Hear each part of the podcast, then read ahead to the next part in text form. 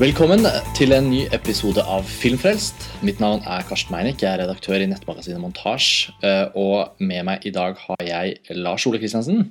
Hallo. Hei, redaksjonsmedlem i nettmagasinet Montasj.no. Vi er jo to ganske faste medlemmer av Filmfrelst. I dag har vi ikke Martin med oss som programleder, og det er fordi dette er en slags eh, spesialepisode. Vi skal ikke egentlig diskutere noe film, men vi skal diskutere Oscar-utdelingen.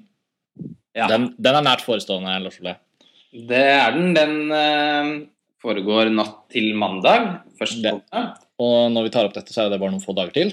Det er det. Det Oscar-racet, som det kalles, eller hele liksom Oscarsesongen i seg selv, er jo noe vi har skrevet mye om på montasje siden vi starta opp for over tre år siden. Det er jo noe som mange filminteresserte følger tett. Samtidig så er det jo også nesten som en sånn øh, Jeg blir noen ganger ganske sliten av alt pratet om Oscar fordi man nesten helt glemmer å snakke om filmene.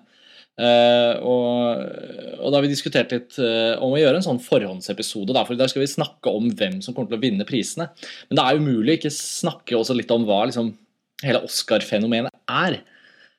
Hva, hva slags forhold har du egentlig til selve Oscar-utdelingen? Lars? Er det noe du liksom føler du har fulgt siden barnsben av, Nei, ikke siden barnsben av, men siden ungdommen har jeg fulgt det. Så da har jeg stort sett alltid sett det. Nå var det jo mange år hvor NRK ikke sendte noe, så da pleide jeg å se det på svensk TV 2. Og de årene som var imellom at svensk TV 2 sluttet å sende det, og heller ikke NRK sendte, så så jeg det på diverse streamings på nettet. Ja, det, jeg har jo hatt litt samme erfaring som deg. Jeg så vel egentlig min første Oscar-utdeling først for kanskje ti år siden, så jeg har ikke jeg fulgte det kanskje ikke så tett på 90-tallet for eksempel, som mange andre har gjort. Men sånn som i fjor, så hadde jo vi i montasje hadde jo Oscar-natt på Gimli kino. Det skal vi ha i år igjen. Ja. Så det virker jo som at Oscar-utdelingen er noe som det også er økende interesse for når det er en tiltagende filminteresse i et miljø eller i et land. da. Det er sånn nå som vi har Filmbonanza på NRK, dette filmprogrammet, og de sender Oscar-utdelingen, og vi har det arrangementet. Det virker liksom som det er en sånn økende interesse sånn jevnt over. Ja, det tror jeg, tror jeg er veldig enig med det du sier, at det har nok med en, en økende interesse for film generelt, og ikke minst om for film, altså norsk film. Det er veldig mye snakk om norsk film. Det er eh, mye snakk om, om filminteresse og lidenskap for film. Mm. Så, så den interessen merker man jo at har økt de siste årene. Når det er sagt, så har jo ikke Montasj skrevet noe særlig om Oscarsesongen i år. Og, og det rotfester seg jo litt i at vi kanskje ikke syns årets konkurranse er spesielt spennende. Ja, for da kommer vi jo litt inn på hva vi er på vei inn mot. Altså, eh, som så mye av innholdet vårt på montasje, så springer jo det gjerne ut av at man rett og slett er engasjert. Da. Man brenner for ting. Jeg husker i fjor vi hadde The Social Network og Black Swan. og Det var en rekke filmer som, som på en måte både var jævlig bra i sin sjanger og som kunstverk, men som også hadde liksom en, en reell sjanse til på en måte Oscar glory på det. Jeg vet ikke, Det ble morsommere å følge i fjor enn det har vært i år. Ja, det kan nesten ikke sammenlignes. I fjor var, var det så mange sterke kandidater, mens det i år er en sånn Ja, det er liksom kokt på veldig lav varme hele greia, da. Når det er sagt, så betyr ikke det at hva vi skal til å snakke om i denne episoden, blir noe kjedelig overhodet. Eh, Men det Nei, er, nei, det, er greit, det er greit å legge grunnlag uansett, tenker jeg. Fordi eh, jeg vet ikke hvordan det er der ute blant lytterne våre, men, men det er en sånn, er en sånn rar, merkelig tilstand i, i, i vurderingen av det filmåret. Vi tok jo litt det opp da vi diskuterte 2011 som kinoår, da. Hvordan på en måte det ja, egentlig kanskje ikke har holdt en så høy kvalitet som Jeg har jo følt det underveis i fjoråret at det var en veldig høy kvalitet på filmåret, men, men nå når vi sitter og ser tilbake på det, og nå som vi har gått gjennom Oscar-nominerte og skal diskutere favorittene og sånn, så kjenner jeg jo at det har vært litt magert. Ja, det har på, på noen måter det. Og, og, og hva gjelder Oscar, da, helt spesifikt, så er det de årene hvor det er en sånn soleklar frontrunner, er det alltid litt kjedeligere. Og det er det jo i år. Den katta føler jeg ikke at vi slipper ut av sekken engang. for Den har bykset seg inn i jungelen for lenge siden. Ja. Eh, og, og det er jo den, da den franske stumfilmen 'The Artist'. Mm, som hadde sin første visning i Cannes i mai. Ja, Som vi ikke fikk sett der fordi køen var så lang. Og vi tenkte at ja, men Den får vi sett senere. Ja, ikke sant? Og så var det noe et eller annet med at er det så spennende med noen som har forsøkt å lage en stumfilm helt etter liksom oppskriftsboka i dag? Nei, altså den, den kan vi nok se ved en annen anledning. Mm. Og så eksploderte jo den filmen både litt der nede og i veldig stor grad dette i etterkant, med Ja. The Weinstein Company. ja. Som har pusha den veldig hardt i USA. Så, og, og i fjor så var det Man kan si at The King's Speech var en eh, også en utrolig sterk kandidat i fjor. Men da hadde man også The Social Network som en sånn eh, som et alternativ nummer to. Altså Det var hele tiden en spenning rundt hvilken av de to filmene som faktisk kom til å vinne. Det Mm. var jo faktisk forventet at David Fincher skulle ta beste regi, Mm. eh, og ikke Tom Hooper. Så Det husker jeg Vi diskuterte litt i den podkasten, nå husker jeg ikke hvilket nummer det var, men vi tok jo opp en podkast rett etter Oscar-utdelingen eh, i fjor. Ja. eh, hvor vi analyserte litt hvordan ting gikk. eh, og, det, og det ble jo en slags sweep for The King's Speech, som, som var jo relativt skuffende for oss. Um, mens i år så, ja, vi, kan jo, vi skal jo kanskje ikke begynne med de viktigste kategoriene, men jevnt over så kan man vel si at måte, The Artist har jo vært favoritten egentlig lenge nok til at det ikke har vært noen annen favoritt. Eh, Nei. Det er jo ikke filmen med flest nominasjoner, men det er på en måte en, en film som har plukket alle de avgjørende prisene inn mot selve Oscar-utdelingen. Og da all statistikk og alle odds tilsier jo at da The Artist tar de prisene. Ja, og det skal sies at selv om du, som du sa med The King's Speech i fjor, at det ble en slags sweep for dem, men det ble bare en slags sweep. Fordi egentlig så gjorde jo ikke denne på langt nær så bra som mange hadde forventet. Så det ble jo også en ganske spennende Oscar-utdeling. Altså Den tapte jo Den var nominert til tolv priser og vant fire. Det er historisk lavt med så Ja. mange nominasjoner. Eh, Den tok Altså, hele kvelden tryna jo litt helt mot slutten. Ja. Når den tok eh, manus og regi og film, så Ja. satt man igjen uh, med en sånn derre spist for mye potetstappe-følelse. Men- fram til det punktet så var jo kvelden faktisk ganske spennende. Den mistet jo pris etter pris etter pris. Ja. Samtidig så er det jo noe med at, og det, det sammenligner jeg litt med The Artist i år, da, at når en film tar beste originalmanus, beste mannlige hovedrolle, beste regi og beste film, da har den jo på en måte Den har jo sikret seg noe av det viktigste, og The Artist er jo nå i tillegg favoritt i en del andre kategorier. Ja, Men, det, men det kommer vi jo til. det kommer vi til. kommer vi til. Eh, eh, skal vi si bare litt om hva det er vi tenker å gjøre? Det er jo ikke så veldig komplisert. Vi skal gå gjennom eh, de aller viktigste kategoriene på Oscar-utdelingen og rett og slett spå vinnerne. Eh, jeg vet ikke helt hvilke, hvilke favoritter du har valgt deg ut, eh, så vi kan jo bare starte. Før vi starter, skal vi likevel nevne at vi ikke kommer til å eh, tippe i kategorien beste live action kortfilm. Men der er det jo en nominert norsk film.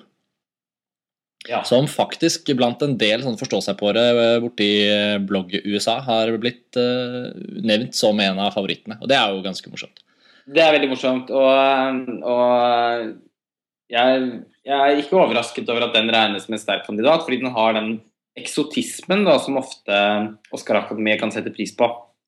Nettopp. Eh, Det har blitt trukket fram at den har, eh, at den har liksom alle de elementene som ofte gjør en film til en favoritt. Da. Og Hvis vi ser på The Artist, så er det jo også ganske interessant. Altså, eh, sammenligne de. da, Det er en, en karakter som går gjennom veldig sånn typisk sånn dramatisk eh, eh, utvikling. Og den har både liksom visualitet, og den har humor, og den er liksom den, den biter ikke for hardt noen steder, og den er veldig sånn lett å like. da. Ja, det, Eh, og det er jo til filmens fordel, så, så vi krysser fingrene og håper at eh, det kan eh, bety Norges eh, tredje Oscar. Det er vel det det eventuelt vil bli, da. Så får vi se. Det har vi- vært en Oscar er til Kon-Tiki, og så til beste animerte kortfilm til Toril Kove for noen år siden. Og så Tuba Atlantic. Kanskje. Uansett så er det stort at den er nominert, da. Ja, det er utrolig stas. Så vi Mm. bare krysser alle fingre og heier som best vi kan. Det gjør vi. Men du har jo satt opp en liste over kategoriene vi skal gjennom, Lars Ole, så kan ikke du lede, lede oss videre? Da tar jeg over stafettpinnen, og så tenker jeg at vi begynner med beste lyd og lydklipp. Ja. Eh, Det er alltid en litt vanskelig kategori å gjette, fordi den er ofte en klar favoritt. Og det er veldig ofte at samme film vinner i begge kategorier, Mhm. samtidig som det finnes veldig mange unntak. Eh, Det er ikke sånn, Statistikken er ikke sånn overveldende klar, da. Nei. Og hoved, altså Favoritten egentlig i begge kategoriene i år er Hugo. Ja, Martin Scorseses film den har jo flest, nominer- flest nominasjoner av alle filmene i år. Ja. Og jeg har jo sett den og syns det er en helt fantastisk bra film. Eh, Så egentlig burde jeg være litt mer engasjert i år, fordi jeg, jeg, ingenting hadde gledet meg mer om om Hugo endte opp med å vinne alle prisene er nominert til. Så jeg, heier jo veldig på Hugo, og kanskje disse to kategoriene er vel noen av de hvor den har best muligheter, da, faktisk. Har, der har den en veldig sterk sjanse. og Det er ikke noe tvil om at eh, når The Artist sannsynligvis kommer til å ta mange av prisene fra Hugo, så vil nok kanskje også Akademiet føle at de, eh, at de ønsker å gi noe til, til Hugo, at den, at den da vil få en del av de såkalte tekniske prisene. Eh, men det eneste som er litt sånn eh, jeg, jeg, vil tippe, jeg, vil tippe, Hugo på beste lydklipp. Jeg tror jeg den er ganske suveren favoritt. Men hva kommer til lydmiks, er jeg faktisk litt usikker. Fordi en annen film som kan finne på å gå helt prisløs hjem, er 'Moneyball'. Mm. Den har et veldig Altså, den har et lydbilde som det er veldig lett å bite seg merke i. Mm. Og det er jo Oscar-akademiet i et nøtteskall. De liker jo tydelige virkemidler, på en måte. De liker å merke at lyden er der. Og Moneyball ble også nominert til, eh, til Cinema Audio Society sin mm. pris. Og det ble også Hugo. Men det ble ikke Warhorse, som man kanskje har tenkt at var en av de sterkeste kandidatene på lydsiden. Den har jo virkelig et imponerende lydbilde, syns jeg. Samtidig er Warhorse kanskje en av de filmene som det er nesten mest sikkert at det kommer til å gå hjem uten en pris. Ja, jeg tror det. Jeg tror ikke den får noen ting. Selv om den er nominert i en del kategorier. Ja, det, er, det er morsomt med disse to kategoriene er også at det ofte er, det, det er de kategoriene, kategoriene hvor man ofte ser nominasjoner til filmer som ikke hevder seg for øvrig. Uh, I år har vi jo Transformers 3. Uh, eh, Transformers-filmene har jo naturlig nok vært nominert i disse kategoriene tidligere. Uh, men også film som Drive. Ja. En fanfavoritt som på en måte er oversett i alle mulige kategorier folk trodde den kanskje hadde en mulighet til å bli nominert i. Så har den liksom lurt seg inn på beste lydklipp. Ja, og, og det, altså, noen ganger så hender det jo da, at de velger å ta en litt mer sånn populistisk film Uh, The Born Ultimatum, f.eks. Ja, det husker jeg, og Matrix-filmene vant jo også disse Oscarene. Ja, du vant jo klipping i tillegg. Det er jo ja. mer spesielt. Men, men det er veldig gøy å se tilbake på nå, faktisk. At uh, The Matrix fikk noen ekstremt velfortjente Oscars. På samme måten som beste foto til Inception kommer til å være noe vi ser tilbake til og bare tenker yes. Ja. At den filmen vant den prisen, var så fortjent. Ja, var, den vant jo fire. Også Avatar. De endte jo opp med å vinne like mange priser som The King's Beach, faktisk, mm. i fjor. Mm. Eh, men, men, min uh, magefølelse på dette her sier ja. Eh, Hugo på beste lydklipping. Og så satser jeg litt, og så tipper jeg Moneyball faktisk er på beste lydmiks. Ja. Da, jeg, jeg, jeg, jeg, holder på Hugo i begge kategoriene, ja. for det er, jeg må være litt sånn med, medhårs med min store favoritt. Ja, ja, og ikke minst, jeg tror også på en eller annen måte så er det jo det absolutt mest fornuftige valget. Men jeg tenker jeg må ta noen sjanser. Så ja, absolutt. Jeg, jeg, tipper Moneyball på beste lydmiks, faktisk. Så, så, den ikke går helt prisløs hjem. Så er det beste scenografi. Ja.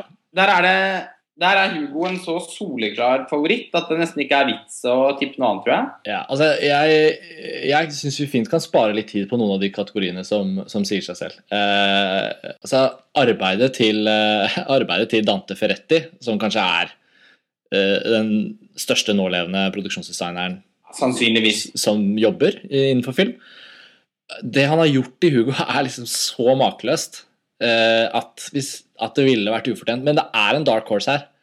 Og det er Harry Potter and The Deathly Hallows Part 2, altså Stuart Craigs arbeid. Det er jo på en måte en slags nominasjon for, for flere filmer. Uh, og han har, jo vært, uh, han har jo vært inne før, har han ikke det? I den kategorien for Harry Potter-filmene? Jo, han, han, har vært nominert fire ganger for Harry Potter. Ja, ja. Han også, men han har også vunnet tre Oscar fra tidligere. Ja, engelske pasienten uh, Gandhi Ja, ikke sant. Og en til, tror jeg. Så, så så han har jo på en måte fått sitt. Likevel så syns jeg Det har jo Dante Ferretti også. ja, det har jo Dante Ferretti også. Og det er en slags tragedie at Stuart Craig ender opp med å ikke få noen Oscar for arbeidet med Harry Potter, for det syns jeg faktisk er noe ja. av det beste som er prestert av scenografi i de siste ti årene. da. Men derfor skal vi ikke utelukke muligheten. Det er faktisk den siste Harry Potter-filmen. Det har vært mye snakk om at den ikke ble nominert i flere kategorier, og at den filmserien Det er en skandale.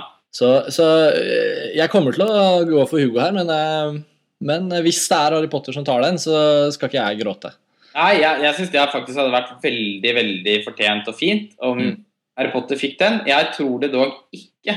Stuart Craig sier jo selv også at liksom, nei, men Hugo tar den prisen. Det er helt, ja, jeg så det intervjuet. Det, ja, det var det du som sendte meg. Ja, ja. Så, ja, det var det selvfølgelig. Uh, og, og, eh, og, jeg tror altså Det er noe med at de som er i bransjen også har en veldig sånn klar eh, Eh, de har ofte en veldig mm, riktig oppfatning av hva som skjer. Og når han sier det selv, så tror jeg ikke det er noe sjanse i havet for at den vinner. Jeg tror faktisk den nest sterkeste kandidaten er, er The Artist.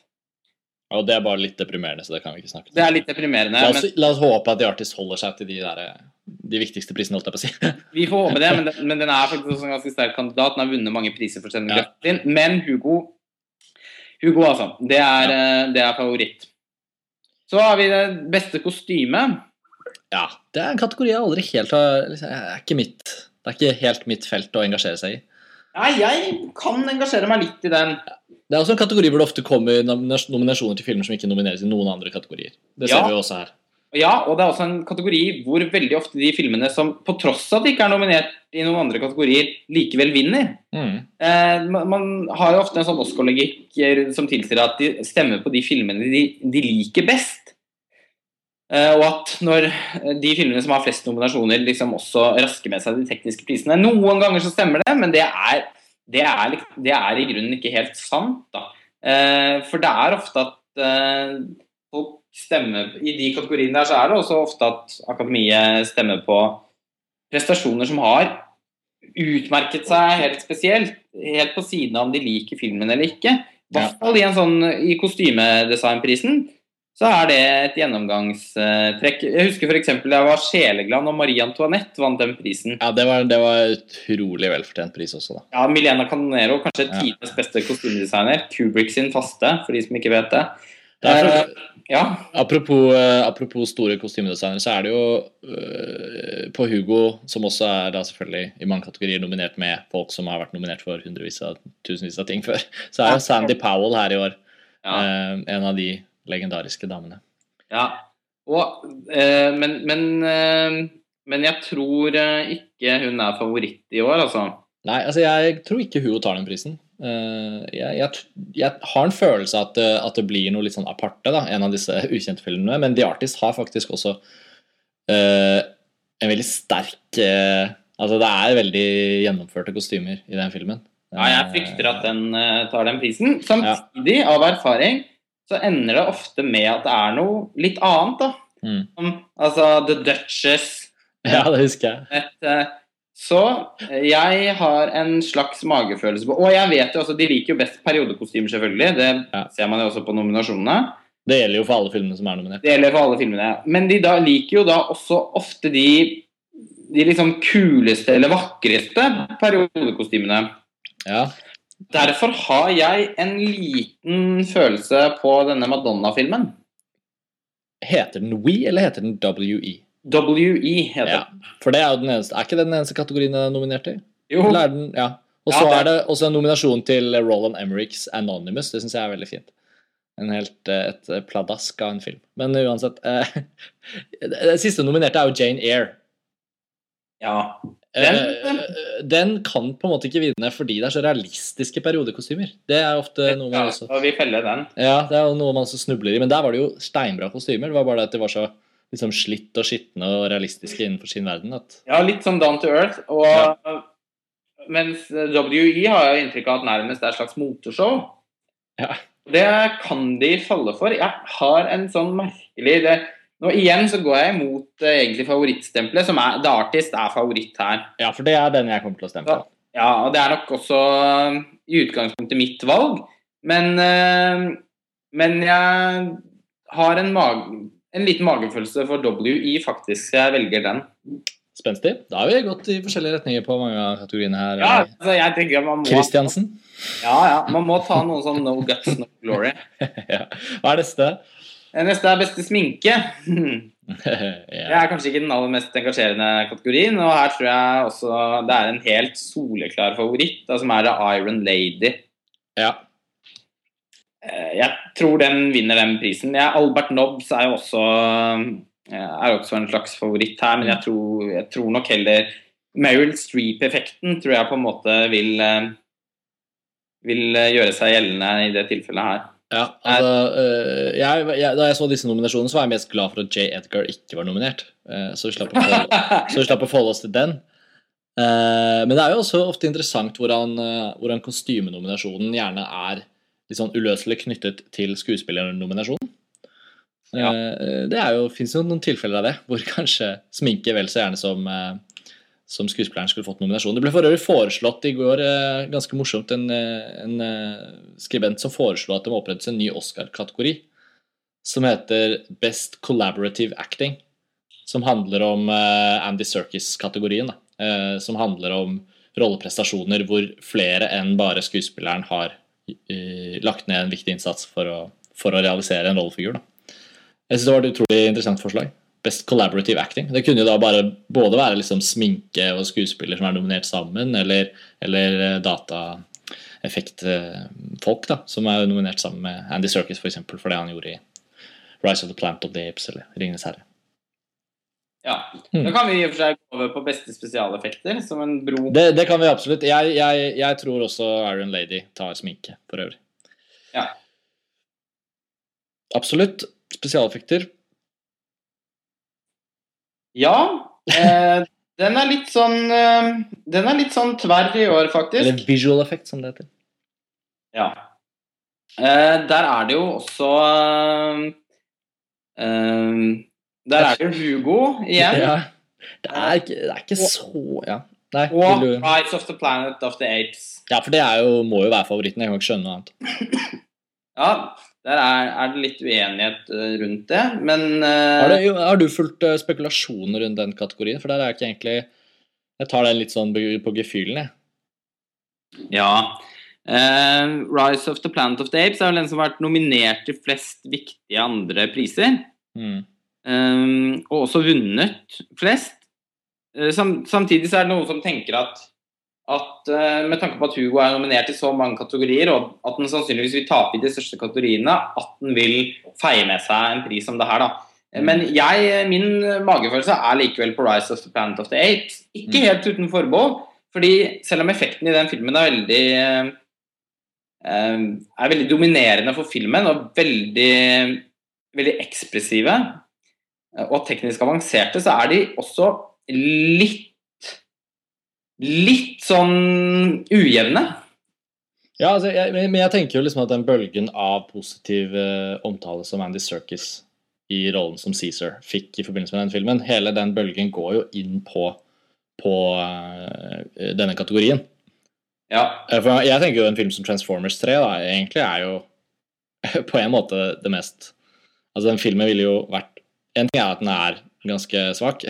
En annen ting er at den ville jo i hvert fall ikke vært noen ting uten, uten det effektuniverset. Men samtidig så er det tredje filmen, og folk er liksom kanskje ikke helt Nei, altså er den filmen generelt er såpass upopulær, Ja. så jeg har ikke noe tro på den. Altså, da tror jeg heller de vil lite en, en film til Harry Eller en film, sier jeg, en pris til Harry Potter. Ja. Eh, men igjen, altså spesialeffektene har aldri vært det sterkeste kortet ved Harry Potter-filmene. Så, eh, men jeg eh, tror eh, Rise of the Planet of the Apes, ja. Ja. Jeg tror det er også, med Hugo som en, eh, som en eh, eventuell andre kandidat. Ja, det er andrekandidaten. Ja. Eh, så kan vi gå over på beste originalmusikk. Ja. Der eh, er jeg ganske trygg på at den kategorien er på en måte bare Den er låst. Den er vunnet allerede av The Artist. Ja. Så jeg tør ikke tippe noe annet. John Williams er nominert til to forskjellige filmer, så han utelukker jo seg selv. ja. Og så er det musikken til Howard Shore i Hugo, som ikke er filmens sterkeste kort. Det er bra, det er veldig veldig fint, det er en nydelig spor, men det er ikke filmens sterkeste kort. Eh, og Tinker Taylor Soldier Spy, eh, Alberto Iglesias, eh, jeg syns det er briljant når jeg ser filmen. Samtidig så er det liksom ikke noe, det er ikke noe tematisk så minneverdig som gjør at den liksom skiller seg ut. da. Og med tanke på at The Artist er en stumfilm og har musikk som driver filmen gjennom hele greia, så er det nesten ja, satt i sten at han tar den prisen. Ja, det er det. Han har vunnet alle andre priser. Jeg tror ikke han Ludovic Bors, Bors, Ja. Bors. Bors som er nominert. Jeg tror, han, jeg tror ikke det er noen vei tilbake. Det er også veldig ofte i den kategorien at de velger å anerkjenne komponister som ikke er så anerkjente eller har så mange priser fra før. Ja. Howard Shore har jo tre priser, så Ja. ja, og jeg tror ingen føler at Hugo er hans sterkeste arbeid på noen som helst måte. Det, altså, hadde Alberto Iglesias laget liksom et sånn helt sykt soundtrack, Ja. Eh, så, så kunne han vært eh, Men det er ikke der, vet du. Det er ikke... er ikke der. Og skulle han blitt nominert i år, så syns jeg faktisk han skulle vært nominert for, eh, for Under huden til Almodova. Jeg syns Ja. det er et mye mer minneverdig soundtrack. Ja, det skal sies at jeg syns jo nominasjonene i beste originalmusikk, bare for å bruke 30 sekunder på det, var ganske skuffende i år. Det er flere filmer som er utelatt som hadde gjort seg mye mer fortjent til nominasjon. Altså, The Girl uh, Track Tattoo. Ja, altså, det kan vi jo Men de fikk jo heldigvis Oscar for Heldigvis fikk de Oscar for The Social Network i fjor. Ja, Altså, Tenk om de ikke hadde fått den prisen. Ja, ja, men jo, men, men i fjor så var det til og med sånn at jeg syns at, den- at Hans Zimmer fortjente den vel så mye for eh, Inception. Ja, det Jo, men ja. Han har bare én Oscar fra før. Men ja jo, ok, da. Ok, greit. Men i fjor, vi vet at i fjor var ja, ja, men var det var. strålende at Social Network fikk den prisen. Jeg syns arbeidet på, som de komponistene har gjort på The Girl with the Dragon Tattoo, om mulig er enda mer imponerende. Så hadde den vært nominert, så hadde jeg jo heiet på den. Ja. Uten at jeg tror at den hadde vunnet. Eh, Men, men det er liksom, det er The Artist. Jeg tror ikke det er noe mer å snakke om. Nei. Jeg er også veldig svak for Warhorse-soundtracket til John Williams, men som Mm. sagt, det nuller ut seg selv, og jeg tror ingen heller føler at det er liksom hans. Det er viktig. Det er kanskje ikke viktig å gi han en Oscar. liksom. Nei, han har liksom fem fra før, så Ja. Nei, men jeg, vi, vi sier The Artist her, og det syns jeg egentlig er fortjent. Det er helt greit. Det var veldig bra musikk. Jeg husker at jeg gikk og nynnet på den etterpå. Ja. Uh, så er det beste dokumentar. Karsten, Ja. er du mer orientert enn meg. Ja, jeg har orientert meg litt her. Det er, eh, det er ikke et sterkt år. Uh, flere, Som så ofte så er det flere av de absolutt eh, beste filmene som er utelatt. Ja, Senna. Uh, her er det jo eh, ja, Asif Kapadias uh, dokumentar 'Senna' om Formel 1-kjøreren Arton Senna. Den er jo helt enestående. Den burde vunnet denne kategorien. Men det er også en, eh, også en amerikansk sånn uh, dokumentar som heter 'The Interrupters'. ja, Regissert av Steve James, tror jeg han heter. Han som lagde Hoop Dreams i sin tid. Som har fått sånn enestående kritikker, og, og, og, og som ligger helt til rette for å ta en Oscar. Og som ikke kom på shortlisten, hvis jeg ikke husker feil. Og var heller ikke noe shortlisten en gang. Det skapte jo furore når det ikke den figurerte der. Men Ja. Så, så, så det, er liksom, det, er mye, det er liksom disse sterke, te, er sterke tematikkdokumentarer. Det, er, eh, det er mye forskjellig her. Men jeg, jeg har bare sett én av filmene, og det er Wim Wenders 'Pina'. Uh, og Wim Wenders har jo bare vært nominert til Oscar en gang før. For um, Buena Vista Social Club, hvis ikke jeg husker feil. ja, den ble han nominert for. Ja, Men han har jo faktisk ikke vunnet noen Oscar. Uh, og det er Wim Wenders vi snakker om. Uh, så jeg, jeg tenker umiddelbart at nå kan Wim Wenders få en Oscar. Eh, og det syns jeg hadde vært eh, veldig fortjent. Og jeg syns 'Pina' var en veldig bra film. Den er veldig uortodoks som eh, beste dokumentarfilm på Oscar-utdelingen. Den er ikke spesielt emosjonelt meddrivende. Den er, den er rar og kunstnerisk, på en måte. Så jeg vet ikke om jeg tør å si at den er favoritten. Nei, men det er den jo ikke. Fordi Nei. den mangler Den mangler litt momentum i forspillet, da. Ja. Eh, Storfavoritten er If a Tree Falls. ja. Så jeg tipper den. Jeg bare har liksom ikke fått følelsen at folk syns det er en så fryktelig god film. Nei, det har ikke jeg fått følelsen av. Det gjelder jo ikke for Oscar, jeg vet det, men man blir jo litt sånn. Ja, den har liksom eh, Og den Paradise Lost 3 òg har eh, litt boost. Så jeg tror det er de to det står imellom. Ja. Det er også en kategori hvor det ofte ender med at favoritten vinner. Det er jo ofte det. Men jeg kommer til å gi min stemme til Pina likevel. Ja, men jeg gir min stemme til If a Tree Falls. Jeg har ikke har sett filmen, og heller, jeg, har, jeg har heller ikke inntrykk av at den er så fantastisk god. Men eh, Basert på Buss alene. ja, på, basert på Buss og statistikk, så tror jeg den eh, tar den prisen. Mm. Så da går vi videre til beste foto. Nå begynner det å tykne seg litt til. Ja. Det er en spennende pris i år. Veldig spennende pris i år. Eh, beste foto er nesten alltid en, en av de kuleste kategoriene. Mm. Det er veldig sjelden det er filmer nominert til beste foto som oppriktig ikke er bra. Altså fotografert. Ja, det, det, er, det pleier alltid å, være, alltid å være en veldig sterk kategori. Og det er det også i år. Det er det. The Artist, Girl with the Dragon Tattoo, Hugo, Tree of Life og War Horse. Ja. Jeg tror at Emanuel Lubisky for The Tree of Life vinner den prisen. Han vant jo for American, i American Society of Cinematographers, Ja. som uh, gir en indikasjon. Det er vanskelig å si pga. The Artist. Ja, fordi American Society of Cinematographers det er sånn som bare stemmer hvert eh, annethvert år omtrent. Mm. De gjør ofte litt andre valg. Ja. Også når de nominerer. De nominerte jo f.eks. Hoyt von Hoytema for Tinker Taylor's Soldier Spy istedenfor Janos Kaminski. Jeg synes jo, jeg ville ikke byttet ut Kaminski, men jeg ville gjerne byttet ut uh, Guillaume Schiffman for The Artist med Hoyt von Hoytema. Ja. Det er ikke spesielt spennende foto i The Artist, altså. Jeg skjønner ikke Altså, jo, den, er, den tar pastisjen, selvfølgelig. Det etablerer følelsen av en stumfilm og alt det der. Ja. Men altså, ja. er det i seg selv nødvendigvis så fryktelig det, ja, og det gjelder jo for vår vurdering av The Artist generelt, og hvordan den kommer til å stå igjen. Altså, hvis vi spoler noen år fremover, litt på samme måte som kanskje kunne gjøre det med livets eh, La Vita e Bella i sin tid. Ja. Ja, og at eh, filmtiden vil ikke være like snill mot The Artist som eh, hypen er nå. Nei, eh, det tror jeg er ganske tydelig. Og, men han er jo storfavoritt, da. Eh, samtidig så er også Emanuel Lubeski det for The Tree of Life. Og The Tree of Life har vunnet langt flere fotopriser eh, opp mot Oscar-utdelingen enn det The Artist har. Mm. Lubezki har blitt nominert mange ganger før for Mm. Sleeping, eh, Sleepy Hollow og ikke minst Children of Men.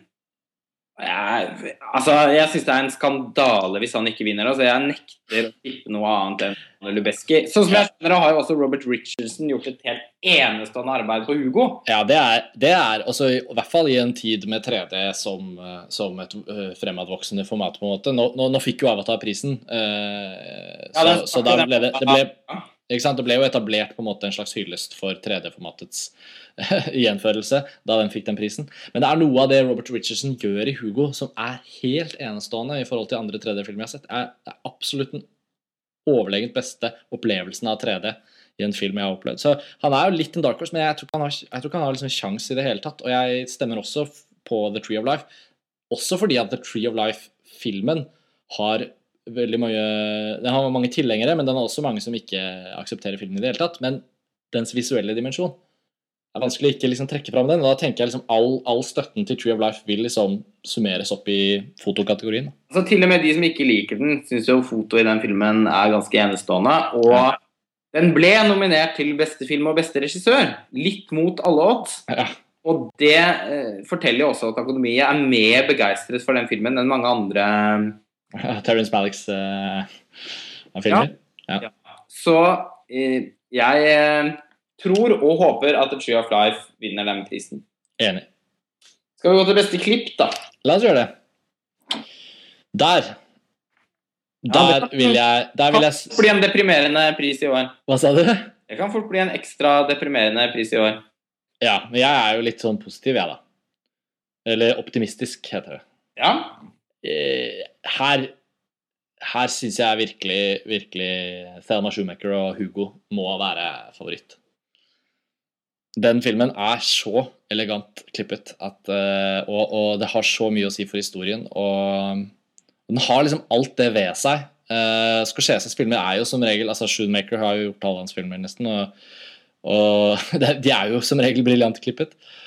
Men det er, det er noe med hvordan Hugo er satt sammen som gjør at jeg, jeg, jeg og, og filmens posisjon med alle sine nominasjoner og så mange priser den ikke kommer til å vinne, så virker det på meg som om klipp er den kategorien hvor den stiller sterkest. da.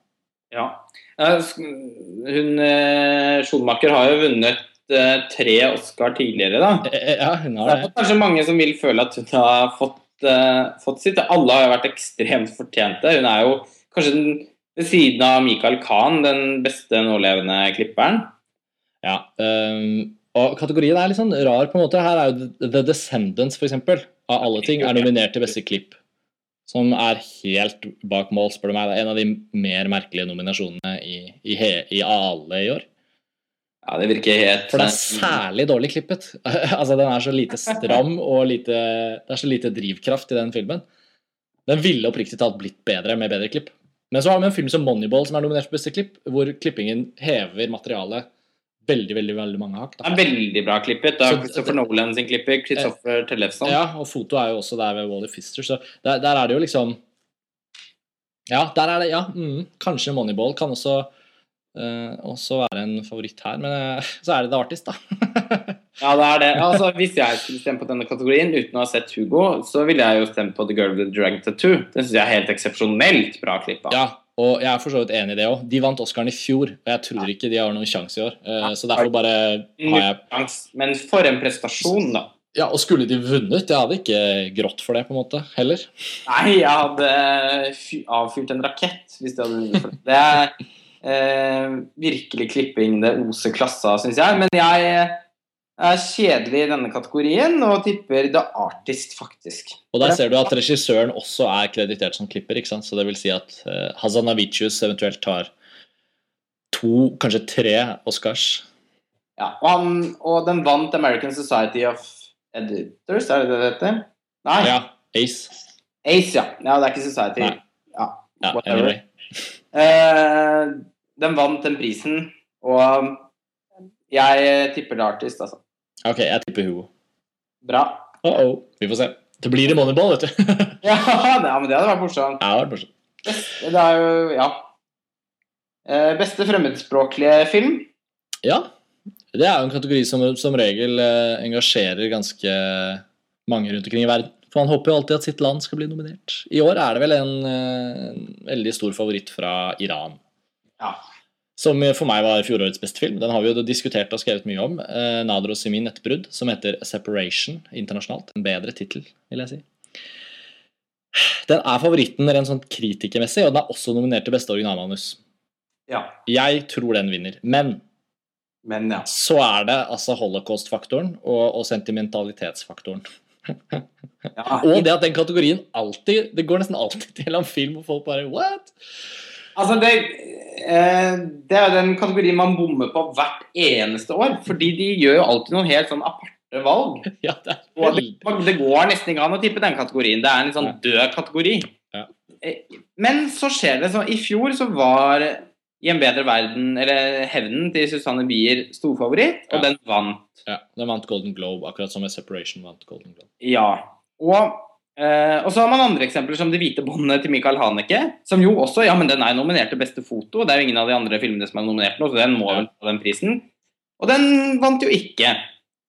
Uh, så jeg er veldig Det gjør at det uansett er usikkert. Jeg føler at, uh, at Nader og Simin er en så overlegen stor favoritt i år. Den har vunnet så mange andre bransjepriser også. Og den har gjort det veldig bra på kino i USA. Det må vi heller ikke glemme. Altså, Den har gått på kino i den riktige perioden. Ja. Uh, de andre filmene er liksom ikke ordentlig etablert i bevisstheten her. Uh, det er Dark Horse med denne polske holocaust-filmen, da, In Darkness. Ja, til Agnieszka Hol uh, Holland, som Ja. har laget vært Oscar-nominert tidligere. Ja. Så det er, eh, det er den eventuelt. Eh, Vi digger jo Bullhead, som vi så i Tromsø. Jeg Fantastisk. Er elsker det faktum at den er nominert, akkurat som Dog, er var nominert i fjor. jeg syns det er den beste av de nominerte i den kategorien, faktisk. Kanskje. Uh, Men, men det hadde jo vært helt far out om den vant. Den skal være overlykkelig for å være nominert. Nettopp. Og denne Monsieur Lazare fra Canada så jeg traileren til. Så ut som en ekstrem søtsuppe. En slags B-versjon av Laurent Rantés Klassen. Så, ja. så eh, jeg håper ikke den vinner. Jeg, jeg satser selvfølgelig på Separation, og så får vi bare se om det holder. Jeg satser også på den. Ja. Den er for sterk til å kunne bli knekt, eh, tror jeg. Ja. Beste animasjon, der er det vel også en soleklar favoritt i Rango. Jeg tror ikke det er altså, snakke om. nei, Animated feature film. Uh, der burde jo Tintin vært nominert, uh, men det er den ikke. Nei, når Tintin ikke er nominert, som jo er helt merkelig, så Men det, men det har nok kanskje noe med at de føler at det De er vel sikkert Animasjonskunstnerne er vel sikkert litt skeptiske til denne motion capture-teknikken. Det er nok det. Så det har nok felt den, og når den Ja. da ikke er nominert, så er det Rango. Jeg tror Ja. ikke det er noen sjanse i havet. At jeg for- foreslår bare at vi går videre. Ja, Så betyr det at regissøren av uh, Pirates of the Caribbean, Caribbean og den amerikanske remaken av The Ring. Ja, Gore Verbinski får seg sin Oscar. Det skal også sies at du og jeg har ikke sett Rango, Nei, vi har ikke det. Det er så det er skikkelig dårlig. Eh, Ja, den har jo hatt bra hype helt siden den kom. Ja. Så den, eh, den vinner den prisen. Og det er morsomt at. Verbinski eh, Jeg er ikke noe stor fan av Paris of Caribbean, men Nei. eh, jeg har alltid hatt et veldig svak, vært veldig svak for The Ring. Ja. Og jeg syns jo den avslørte noen et, Virkelig et regitalent. Da. Så fikk han de grusomme manusene til Paris of Caribbean 2 og 3. Ja. Så gikk på en måte litt ned hjemme med han, men det er, han har jo noe. Absolutt. Og, så det ville være litt morsomt om han tar den prisen, og det gjør han jo. og vi må se Rango. Vi må se Rango. Beste adapterte manus. Ja, uff. Ja, uff, ja. Der, nå får du snakke. Ah, ja. Der er jeg eh, redd for at eh, godeste Descendants vinner. Selv om Alexander Payne fikk, eh, fikk Oscar for beste adapterte manus da han eh, hadde laget Sideways, Som var en pris som var helt grei at de vant. Greit at de vant. Eh, Jeg husker ikke hvem de konkurrerte mot engang, men det var sånn. Det er fint. Alexander Payne har en Oscar. Det, det er Synlig svakt år, da. Ja. Men, men nå så ser jeg på den kategorien, så jeg syns Moneyball fortjener den prisen. Eh, Manuset til Hugo er også fortryllende og fint, men det er heller ikke liksom en av, en av fortene til den filmen. Eh, nei, og det er John Logan. Han er ikke en veldig spennende Han jo, kan være god på å fortelle historier, men altså, han er ikke en fryktelig spennende manusforfatter. Nei. Men Du var jo dog ikke en så stor fan av Moneyball, da. Nei, det var jeg ikke. Eh, og jeg syns heller ikke manuset var Altså, jeg syns det var veldig bra, men jeg syns ikke det var på langt nær så bra som jeg hadde håpet på. Det var en, er noe Aaron Sorkin-effekten etter The Social Network òg. Da setter du standarden så høyt Ja. At man er liksom er dømt til å bli bitte litt skuffet uansett. Um, eh, men jeg hadde jo Nå har jo jeg dessverre ikke fått rotet meg til å se The Descendant, så jeg skal se den før Oscar-utdelingen. Forventningene mine er jo nå så lave, spesielt etter å ha lest din sak om den i dag eh, på montasje, at jeg Ja, kanskje jeg forhåpentligvis blir litt positivt overrasket. Men, eh, men jeg syns jo det ville vært en glede å, å se at Moneyball tok den prisen, men jeg tror ikke det skjer. Fordi det er også stor fare for at The, Descendants blir på en måte en av taperne under årets Oscar-utdeling, og jeg tror det er måten de kan vise litt kjærlighet til den filmen for. Så jeg tror det er skrevet i stein at Alexander Payne får den. ja. Det er jo ikke bare Payne, det er jo også en medforfatter. Eh, to medforfattere. To medforfattere. Så vi får se, men det blir nok den. Ja, jeg tror nok det. Og da er det beste originalmanus. Her har jo begge vi to en soleklar favoritt. Ja, for det er jo en fantastisk kategori i år. Det er det. Det er det. Og uh, jeg stemmer på Woody Allen, 'Midnight in Paris'. Ja. Ikke bare er det Altså jo, ok, Hvis uh, Nader og Simin hadde vunnet beste manus, jeg hadde ikke uh, blitt veldig lei meg for det heller. Men Nei, nei. kategorien eies på en måte av den filmen både fordi det er Woody Allen, og han er så innmari tilbake i form. Og faste lyttere vet at Lars Ole og jeg har forsvart den filmen tidligere. Men det er noe med at den bare Den er også litt frontrunner, da. Den tok eh, VGA-prisen, og, og, og filmen ble nominert til beste film og beste regi. Og det er liksom bare Det er noe så utrolig kult over at den filmen har havnet i den posisjonen. Altså, jeg, jeg ser absolutt scenarioet hvor The Artist får den prisen, og da gråter jeg. Ja, Det er men- den prisen jeg blir sintest for. Ja, for det er helt latterlig. Ja. Én ting er jo at filmen ikke har replikker, selvfølgelig, fordi det er en stumfilm. Men så kan man si at ja, men manus er ikke bare replikker, det er også en historie. Ja, men historien i The Artist er jo veldig banal. Den er jo en rip-off av 'Singing in the Rain'. Mm. Eh, men, men langt mindre engasjerende og, og veldig konvensjonell på alle måter. Jeg kan ikke forstå engang at den har blitt nominert. Den var jo da ikke, den kunne jo ikke bli nominert til WGA. Så Og det den at- var ikke der, ja. Nettopp. Nei. Det er jo en ganske spesiell eh, Det akademiet der har jo noen veldig spesielle kjøreregler. Så den kunne jo ikke bli nominert der. Så det at Woody Allen har vunnet VGA, gjør ikke at den er liksom sikret pris, dessverre. Men jeg håper Og, og Woody Allen kommer jo heller ikke til å være til stede på utdelingen, det vet jo alle. Det vet vi, han konkurrerer ikke. Nei, så det, han liker jo ikke å konkurrere, så, så, så det, det er også et lite minus i margen på den. Men jeg tror og håper at alle tenker at Altså, nå har ikke Woody Allen vunnet en Oscar på 25 år. Han har laget uh, sin mest kommersiell, uh, kommersielt fremgangsrike film. Den er nominert for beste regi og beste film. Altså, jeg syns det ville være helt groteskt om de ikke ga den prisen til Midnight in Paris. Og jeg tror også at Midnight in Paris tar prisen, så der er vi igjen enige. Ja, Absolutt. Så kommer vi til eh, beste eh, kvinnelige birolle. Ja, og på skuespillerne. Ja. Ja, jeg syns jo også det er en ganske kjedelig kategori i år. Ja, det syns jeg også. Så her har jeg ikke sånn veldig mye å si, egentlig. Altså, The Artist er nominert, selvfølgelig. Berenice Bejo. Og så er det Jessica Chastain, som har hatt et kjempeår. Og som burde vært nominert for Tree of Life, men som er nominert for The Help. Og så er det Bridesmaid, som du er så glad i. Ja, fy faen. uh, ja, det hadde vært helt forferdelig hvis hun vant. Hey, hun har vel mulighet. tidspunktene i den filmen, faktisk. Ja, det skal sies. Med Melissa McCarthy, og så er det denne Albert Nobbs, Janet McTeer. Verken en film jeg er interessert i, eller en skuespiller jeg knapt har hørt om. Det høres jeg kanskje arrogant ut, men det er rett og slett fakta. Og så ho hoved... Altså favoritten. Octavia Spencer. Og hun vinner. Hun vant Ja. uh, Screen Actors Guild. Og De prisene stemmer som regel med Oscar, og hun Ja. er så overlegen favoritt at det er ikke å snakke om. Og hun er helt super og fin i The Help. Så vær så god, Oscar. Ja. Jeg, det- jeg sier bare det. Ja, jeg syns det oppsummerer, eh, oppsummerer fakta. Eh, Da er det beste mann i birolle, selvfølgelig. Det er jo også en, egentlig en lite spennende kategori i år. Det er en veldig klar frontrunner med Christopher Plummer. Ja, og det er jo både en ganske fin rolleprestasjon og en uh, favoritt. Og at han er en uh, skuespiller med lang karriere som har gjort seg fortjent til å vinne en Oscar. Så det, alt stemmer, på en måte. Han har aldri vært nominert en gang tidligere, tror jeg. Sånn som jeg har skjønt det. Og hvis han vinner, så vil han bli den eldste Oscar-vinneren noensinne.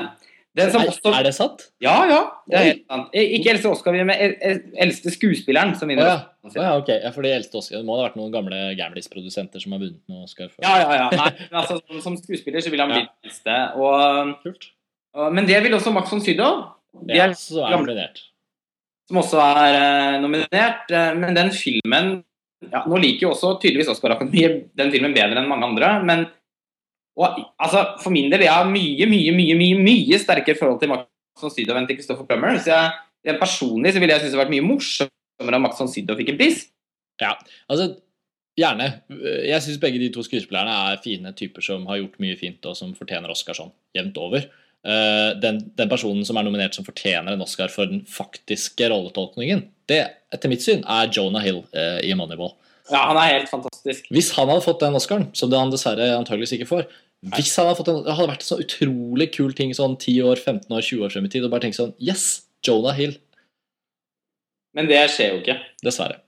uh, men ja, det, det hadde gledet meg med Max von Sydow. Det er ikke det jeg liker også Christopher Plummer veldig veldig godt. Men Mm. uh, som Bergman-fantast så jo, har jo Max von Sydow en spesiell plass i mitt hjerte. Og jeg syns også han har gjort fantastiske roller i Hannah and Her Sisters og Dykkerklokken og Sommerfuglen. Og Ha, har han, hvordan, hva er hans eh, nominasjonshistorikk hos Akademiet? Jeg, jeg tror ikke han har blitt nominert til noen Oscar tidligere, faktisk. Wow. Det er jo faktisk utrolig. Jeg lurer på om han har blitt nominert til én. Jeg, jeg merker jeg må sjekke det på IMDb mens vi snakker. Ja. uh, nei, han er jo liksom en av filmhistoriens eh, store, store skuespillere, da. Ja. Så det er jo noe med det òg. Han har vært nominert, ja. Pelle Erobreren, beste mann. Pelle det er Ja. Mm. Og, og det er Utvandrerne og, Ja. og, og, alle, alle de tidlige Bergman-filmene. Det han, det hadde vært en glede å se han stå der. Han gjør så mye kule biroller, og han brukes jo fortsatt. Ja, ja. Altså i Robin Hood. I Robin Hood, i Shutter Island, Ja, eh, i Minority Report. Eh, Gud, jeg elsker Max von Sydow, men Ja. jeg tror Christopher Plummer tar prisen. Det tror jeg også. Da er vi over på mm, Nå begynner timeglasset vårt å renne ut også. Stemmer. Men eh, herfra ut så er jo The Artist en veldig stor favoritt. Ja, den har jo det, da! Men hva er neste kategori? Eh, Beste kvinnelige skuespiller. Ja. Her er det jo litt sånn race da mellom Meryl Streep og Viola Davis, men ettersom Viola Davis vant Screen Actors Guild Og Ja. Meryl Streep blir jo nominert hvert år uansett. Ja. Uansett hva hun gjør. Eh, så ofte veldig ufortjent også, syns jeg. Jeg syns hun har begynt å bli en veldig sånn maniert og merkelig skuespiller. Jeg synes Den prestasjonen hun gjorde i Julia, Julia and Julia, som hun ble nominert for, var ganske enerverende. Og Ja. den daffe, daffe karikerte prestasjonen hun gjorde i Doubt, som altså var en veldig svak film generelt, syns jeg var helt ubegripelig at hun ble nominert for. Altså, Eh, Jeg har også skjønt at The Iron Lady er en ganske svak film. Mm. Mens The Help er nominert til beste film. ja, og det er en ganske bra film. Ja, og den er nominert til mange kategorier. Ja. Og Viola Davis har vunnet Altså, hun, har jo, hun vant jo Screen Actors Guild, som er den mest avgjørende prisen. Og jeg tror ikke det, tror ikke det er sjanse i havet, egentlig, for at Meryl Streep tar den vekk fra henne. Det ville være Ja, det ville være nesten en bitte, bitte liten skandale, tror jeg. Og som Meryl Streep sa da hun vant Golden Globe, så hun ville jo egentlig bare gi den tilbake til Viola Davis. Så vi får se hva som skjer. Men jeg er enig, det blir Viola Davis som tar den. Eh, nok en gang så vil jeg bare nevne at den som jeg personlig mener virkelig hadde fortjent en Oscar nå, og faktisk også for rolleprestasjonen, selv om det ikke er hennes beste rolleprestasjon, det er Michelle Williams. Ja. Men eh, det er litt sånn som med Jonah Hill, så vi kan godt bare gå videre. Men jeg vil bare ha det sagt. Og min favoritt er da Rooney Mara. Selvfølgelig. Men heldigvis så har hun altså en fantastisk karriere foran seg, og jeg tror vi kommer til å se mer til henne. Både på Oscar-utdelinger og andre steder. Så det er bare kult at hun fikk eh, nominasjon. Absolutt, det ville nok vært usunt for henne å vinne eh, nå, Ja, men jeg var veldig glad for at hun ble nominert for den rollen hun gjør. I The Girl with the Dragon Tattoo er eh, helt enestående, syns jeg. Den er. Absolutt. Beste mannlige skuespiller? Ja. ja.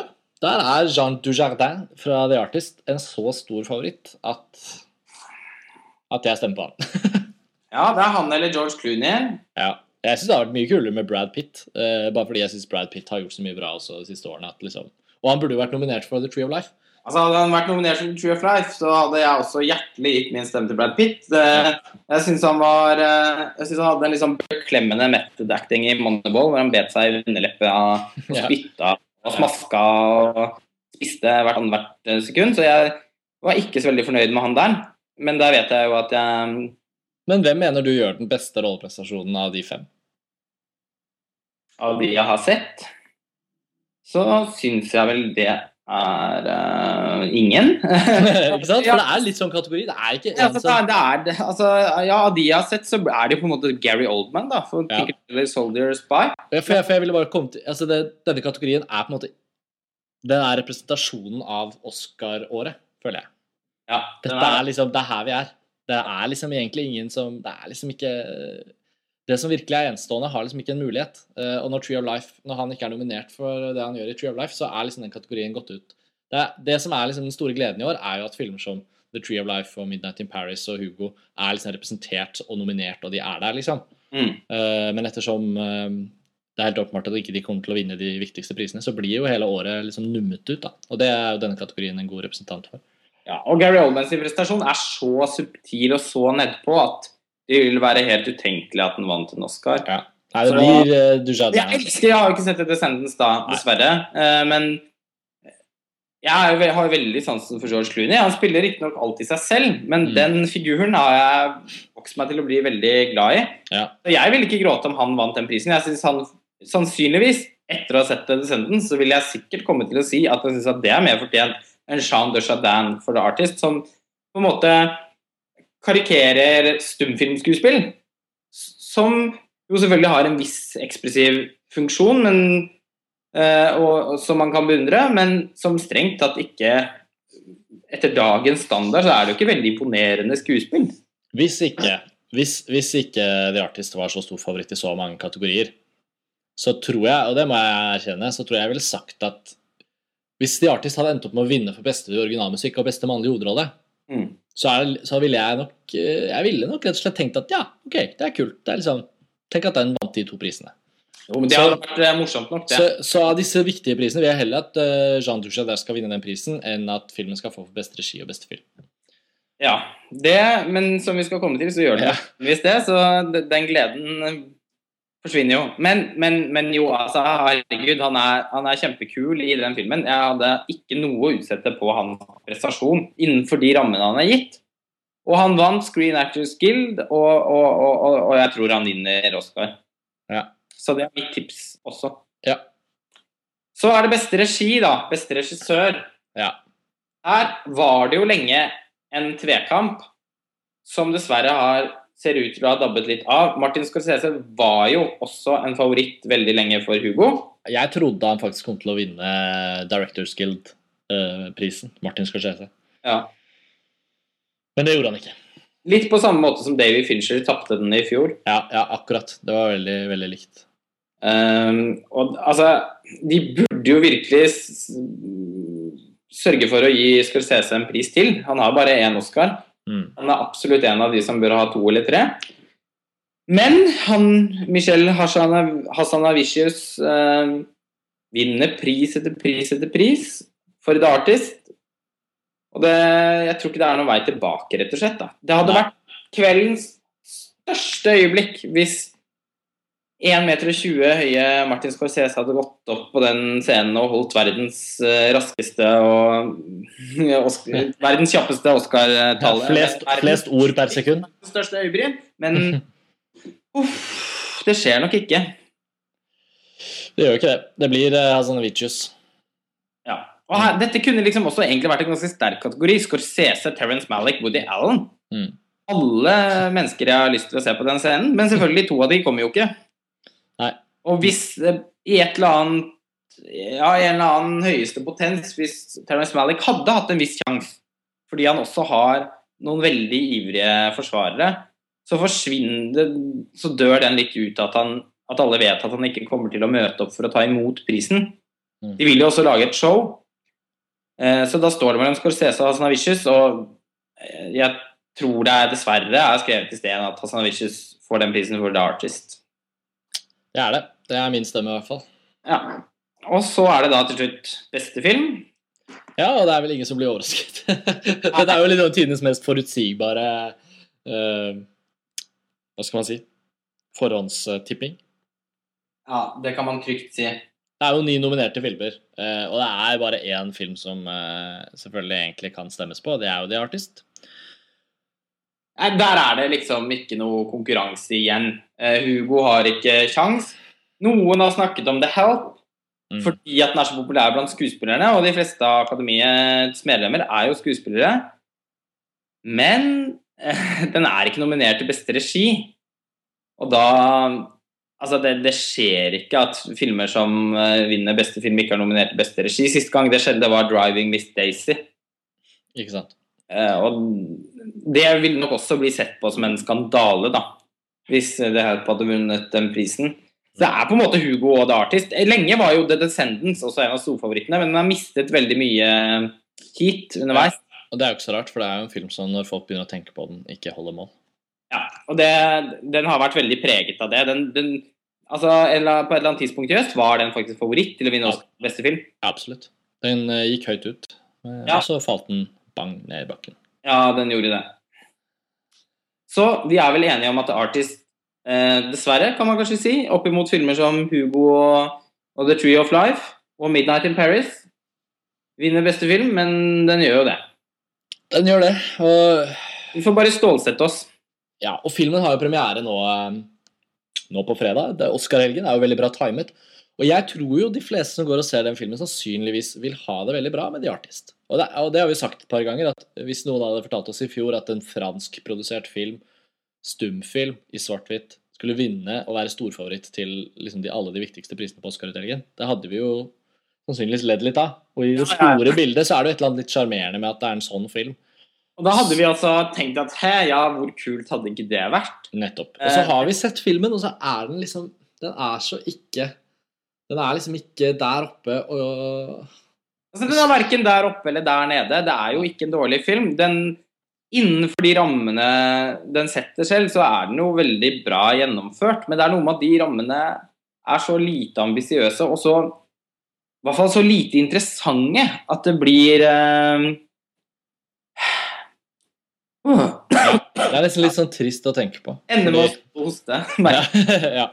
Men det er jo den filmen som tar de prisene. Uh, noe annet ville være veldig, veldig, veldig overraskende.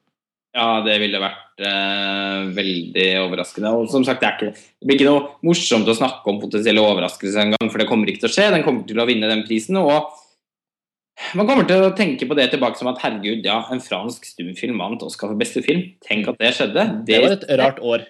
det var et rart år. Og det i seg selv er litt morsomt.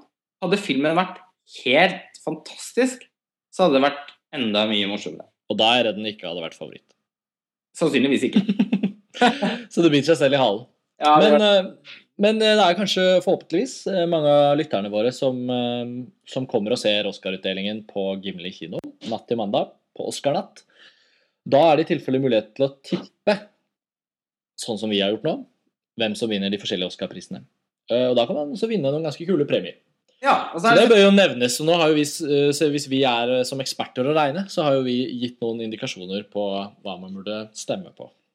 Og så er det jo selvfølgelig også åpent for å kommentere og legge, komme med sine tips i kommentarfeltet. Så kan man eventuelt også snike med seg noen tips derfra til vi møtes på Gimle. Absolutt. Jeg spår selvfølgelig at dette blir et uh, interessant kommentarfelt hvor alle er enige. Ja. det tipper jeg. Det er morsommere å tippe på Gullpalmen, for å si det sånn. Ja, det, der vet man jo aldri helt. Ikke sant? Eller med Gullbjørnen, for den saks skyld. Ja, Og prisen går til! Den filmen som ingen så. ja, ikke sant. Nei, men det er flott. Da blir det Oscar-utdeling i år igjen. Det gjør det. Da har vel vi gjort eh, vårt, eh, Lars Ole. Jeg tror det. Neste episode av Filmpress så blir det sannsynligvis eh, diskusjoner om en, en eller et par filmer igjen. Ja. Ja. tilbake Så da- til sporet, så får vi bare da avslutte med å ønske alle hjertelig velkommen til Gimle. Da. Vi håper jo Ja. alle ønsker å se denne utdelingen sammen med oss. Ja, det er gratis. Så det er bare å møte opp, og så ikke møte opp på jobb dagen etter. Ja. Ok, men da høres vi alle sammen. Det gjør vi. Ha det bra.